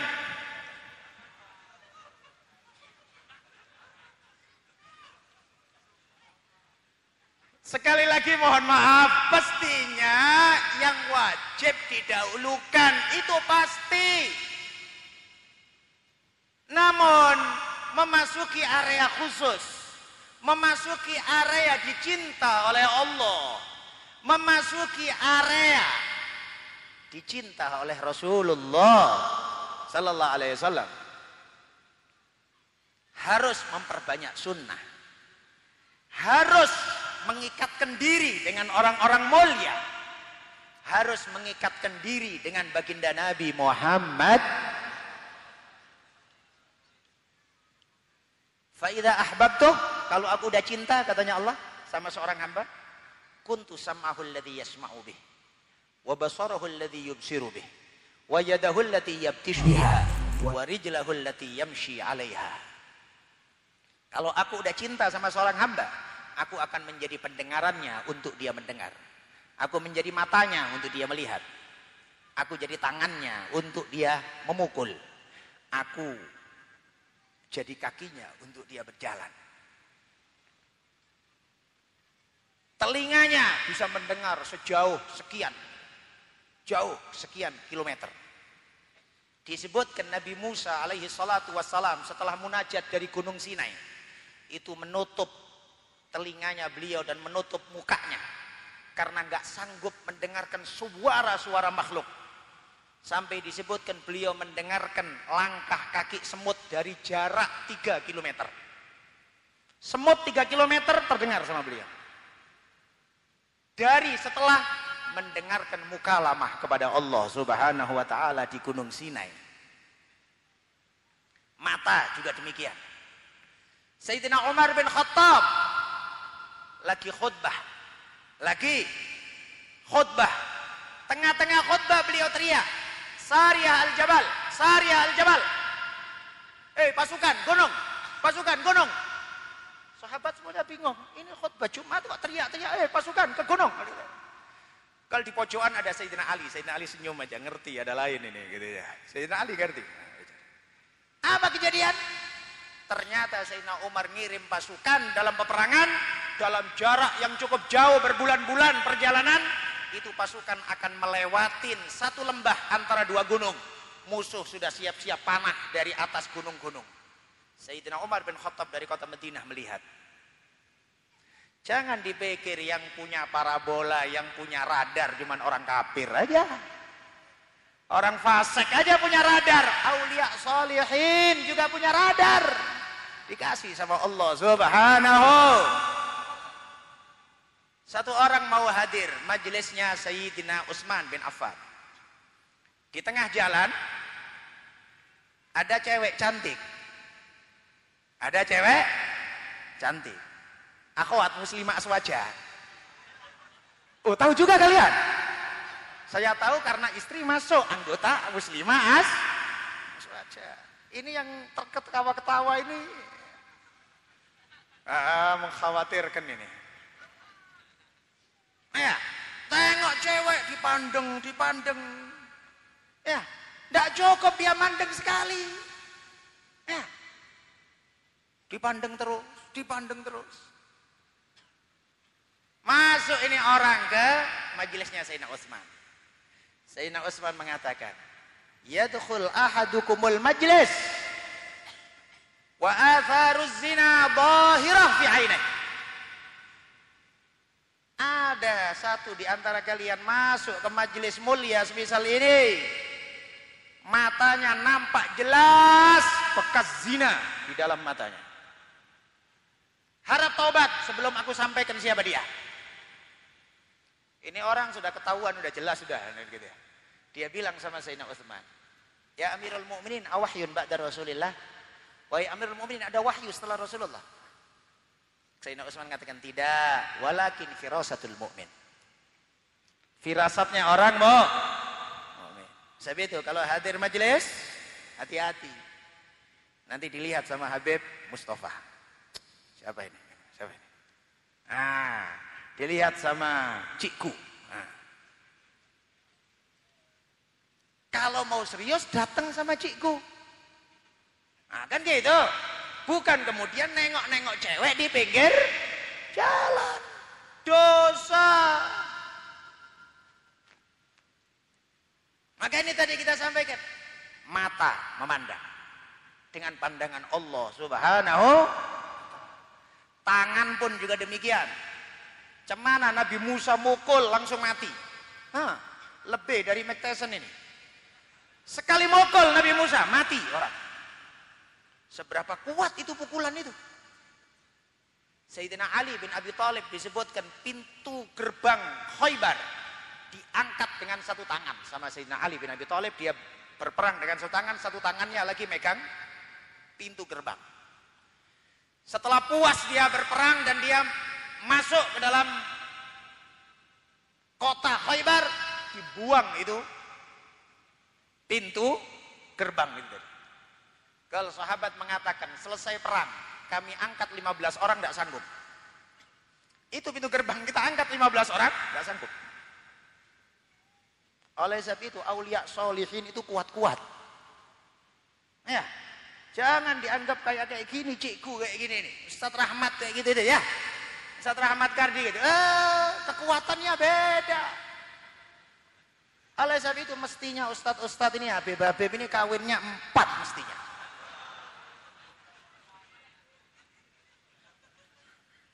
Mumpung kita samping Habib Mustafa. Ya. Oh mohon maaf kita berada di tembung. Kita berada di tembung. Nanti pembahasan itu dilanjutkan kalau nggak di tembung saja.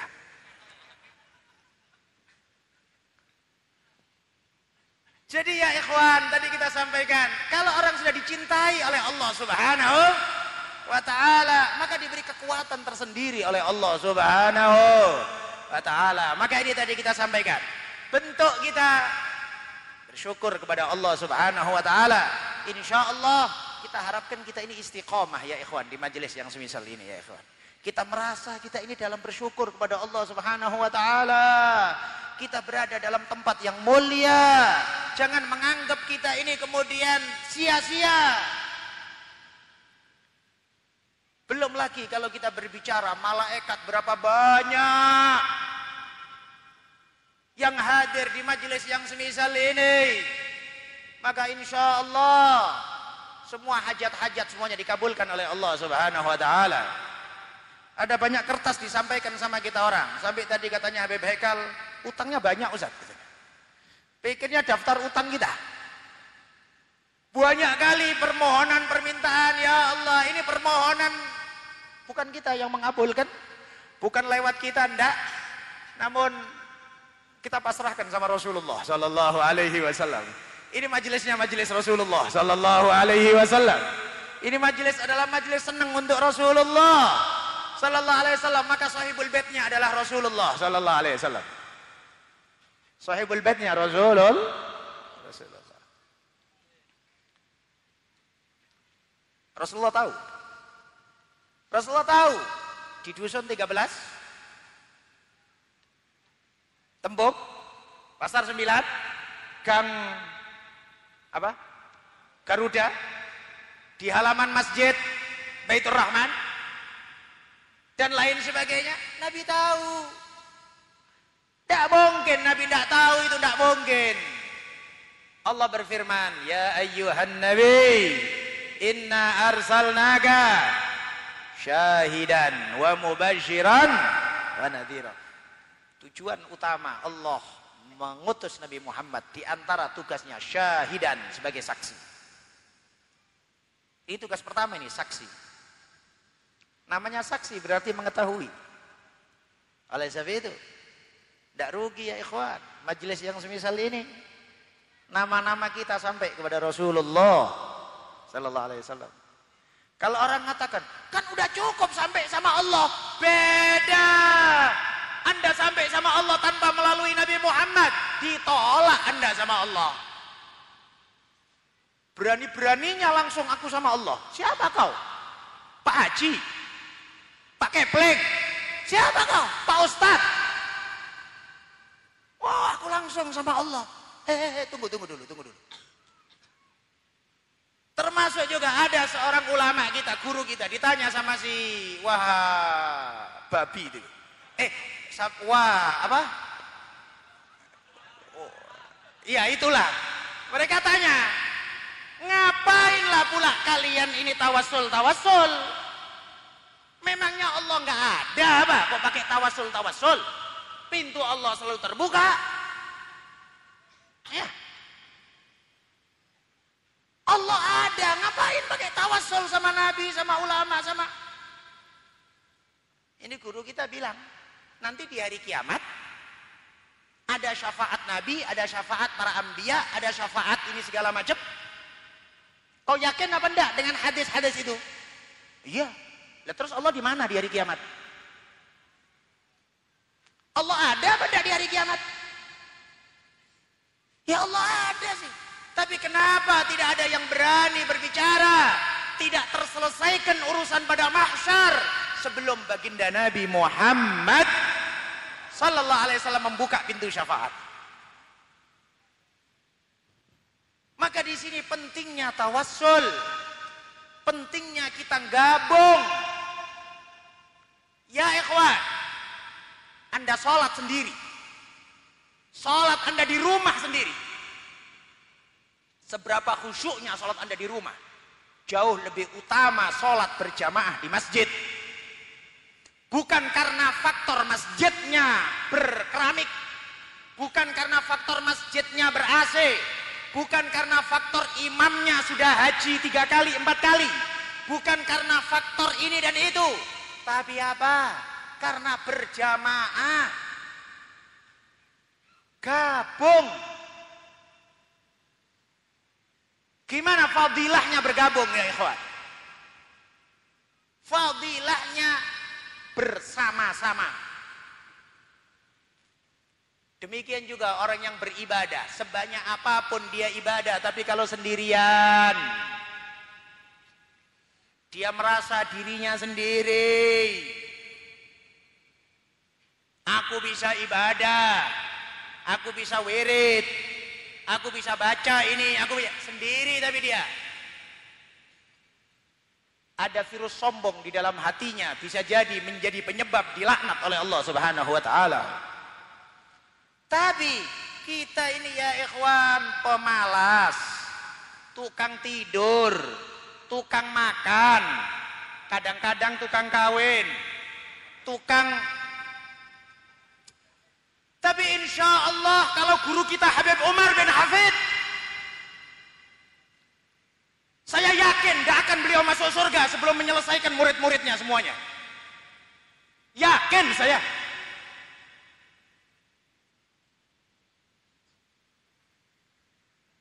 Meskipun kita banyak kurangnya ya ikhwan, tapi kalau kita gabung sama salihin.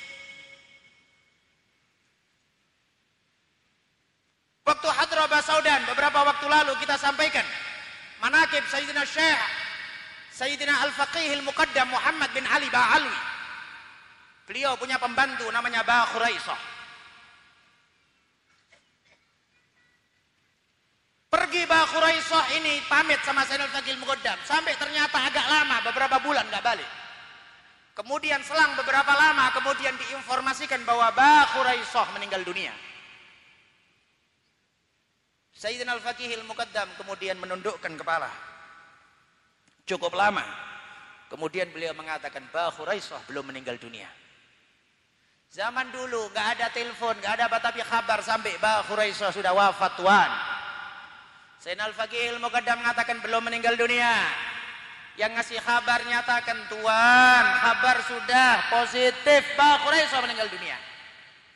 Katanya Sayyidina Al-Faqih Al-Muqaddam, aku barusan melihat keliling ke dalam surga. Dan aku tidak temuin Ba Khuraisah. Pembantuku tidak mungkin masuk dalam api neraka.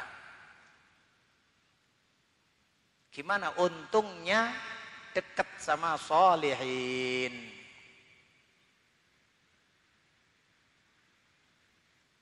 Nikmat ya ikhwan. Nikmat ya ikhwan. Nikmat batin. Nikmat hati. Nikmat ruhani. Mudah-mudahan nikmat ini selalu ditambah oleh Allah Subhanahu wa taala. Bukan nikmat dohir saja yang kita minta tambahan. Namun nikmat batin. Nikmat ruhani. Nikmat yang ada seluruhnya mudah-mudahan dijaga oleh Allah Subhanahu wa taala. Sehat walafiat kita dijaga oleh Allah Subhanahu wa taala. Keluarga kita dijaga oleh Allah Subhanahu wa taala. Harta benda kita dijaga oleh Allah Subhanahu wa taala. Anak-anak kita dijaga oleh Allah Subhanahu wa taala. Amal-amal kita dijaga oleh Allah Subhanahu wa taala. Pemahaman-pemahaman kita dijaga oleh Allah Subhanahu wa taala. Kawan-kawan baik kita dijaga oleh Allah Subhanahu wa taala.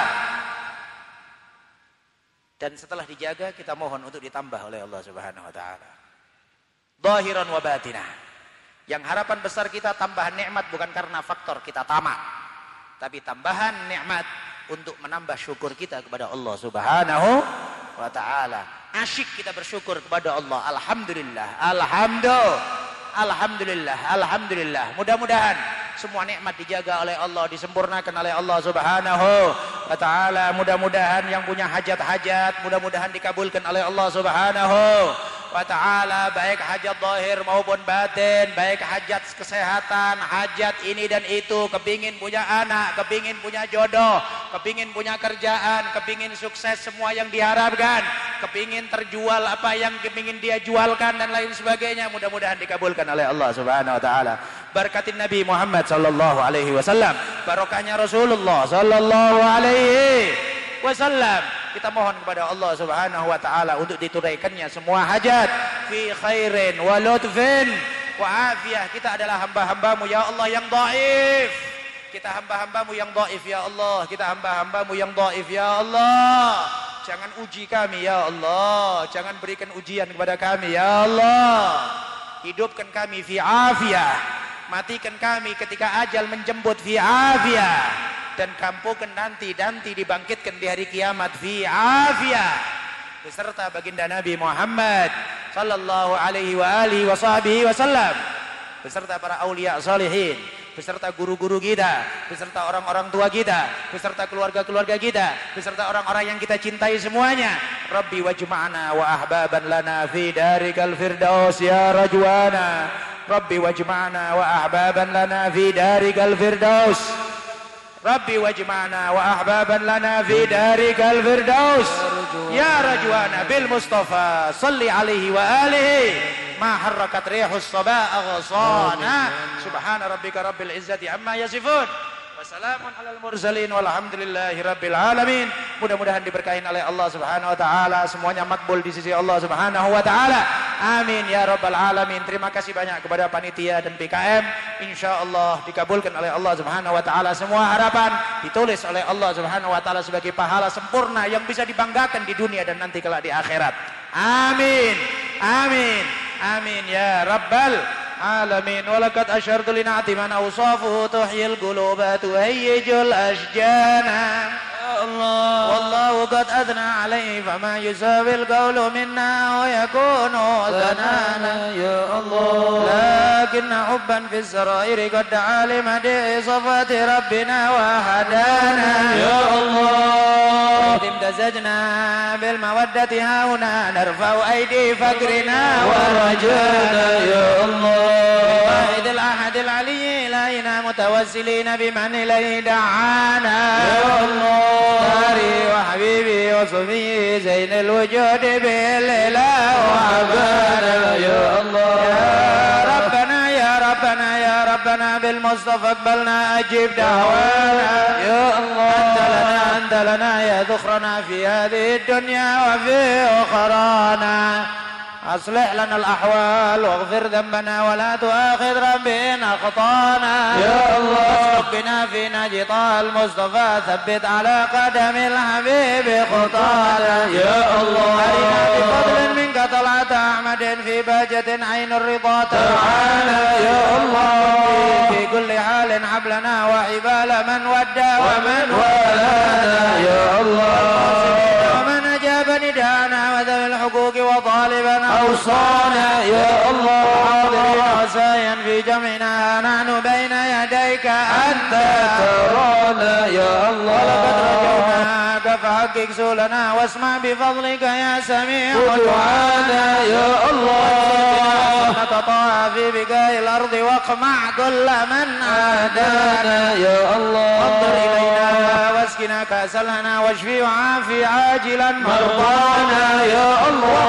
واجد وازن خدمنا عند الممات وأصلح ركبانا يا الله. يا ربي واجمعنا. وقربا لنا في دارك الفردوس يا رجوانا يا الله واجمعنا وعبابا لنا في دارك الفردوس يا رجوانا.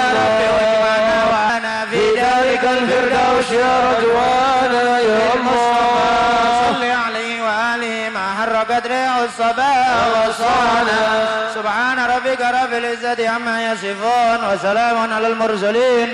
الحمد لله رب العالمين. أفضل الذكر لا إله إلا الله. لا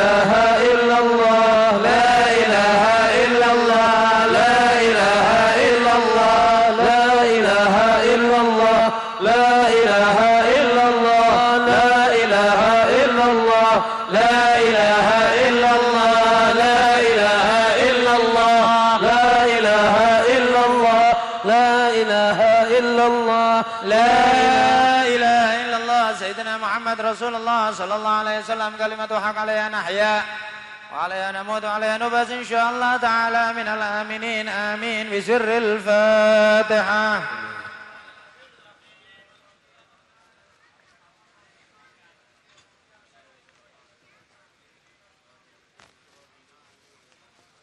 الله الرحمن الرحيم الحمد لله رب العالمين اللهم صل وسلم على سيدنا محمد وعلى اله وصحبه اجمعين آمين ربنا تقبل منا انك انت السميع العليم وتب علينا انك انت التواب الرحيم آمين ربنا لا تزغ قلوبنا بعد إذ هديتنا وهب لنا من لدنك رحمة إنك أنت الوهاب آمين يا الله اللهم إنا نسألك العافية ودوام العافية وتمام العافية والشكر على العافية آمين اللهم إنا نسألك العفو والعافية والمعافاة الدائمة في الدين والدنيا والآخرة. آمين اللهم الله. أحسن عاقبتنا في الأمور كلها وأجرنا من خزي الدنيا وعذاب الآخرة. آمين اللهم زدنا ولا تنقصنا وأكرمنا ولا تهنا وآثرنا ولا تؤثر علينا وكن لنا ولا تكن علينا. اللهم اغفر لنا ذنوبنا واستر عيوبنا.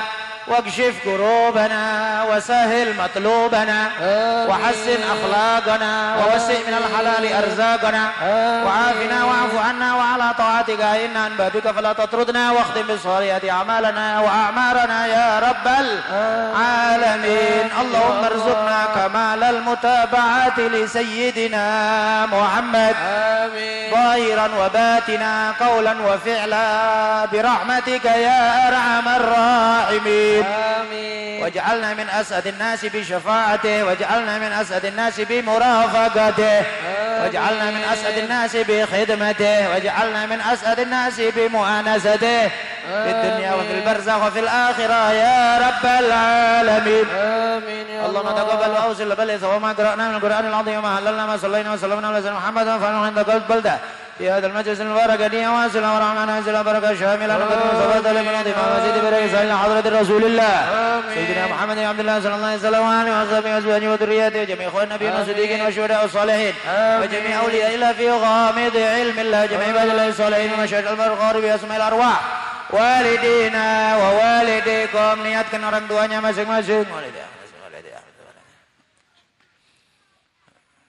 ووصولهم وفروعهم أجمعين. الله أعلم بهم. ثم إلى روح حبيب حبيب علي مشهور محمد سلم حفيد ابي سلم حفيد محمد سلم حفيد سيد محمد البي المالكي وسيد حسن احمد بار المشيخ لانك نقول حواليهم ووصولهم فروعهم أجمعين. ثم إلى روح المرحوم بابا ujang ثم إلى روح المرحوم نور بيتي بنتي بستان الدين. المرحوم دروين نور بن محمد نور المرحوم حيدر علي وديان بن سويدا.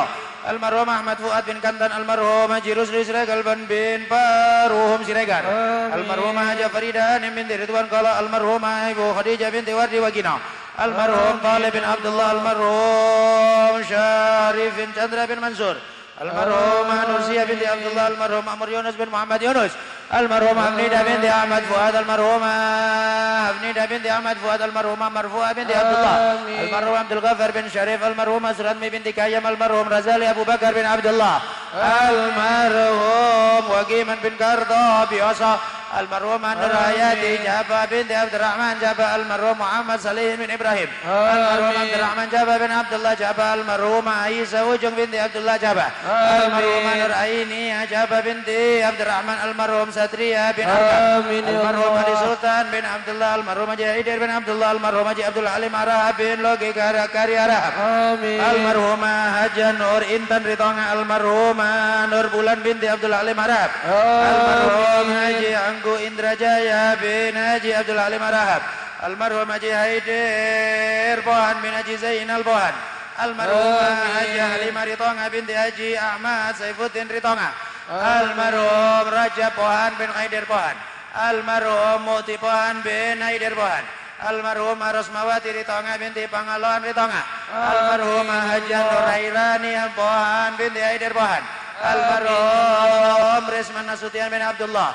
المرء إمرا راح من عيد ربان وأصولهم.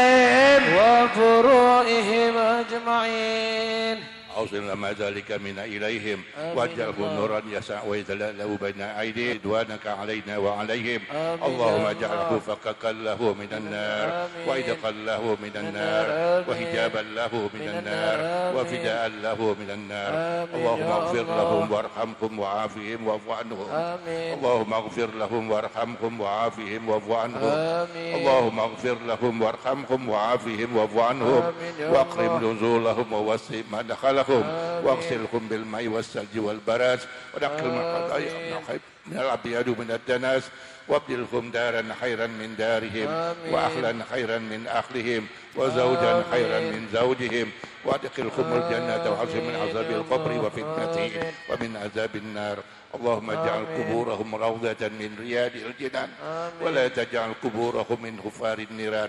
ثم ثوابا مثل سبي ذلك إلى أرواح والدينا ومشايخنا وما- ووالدهم ومسائهم.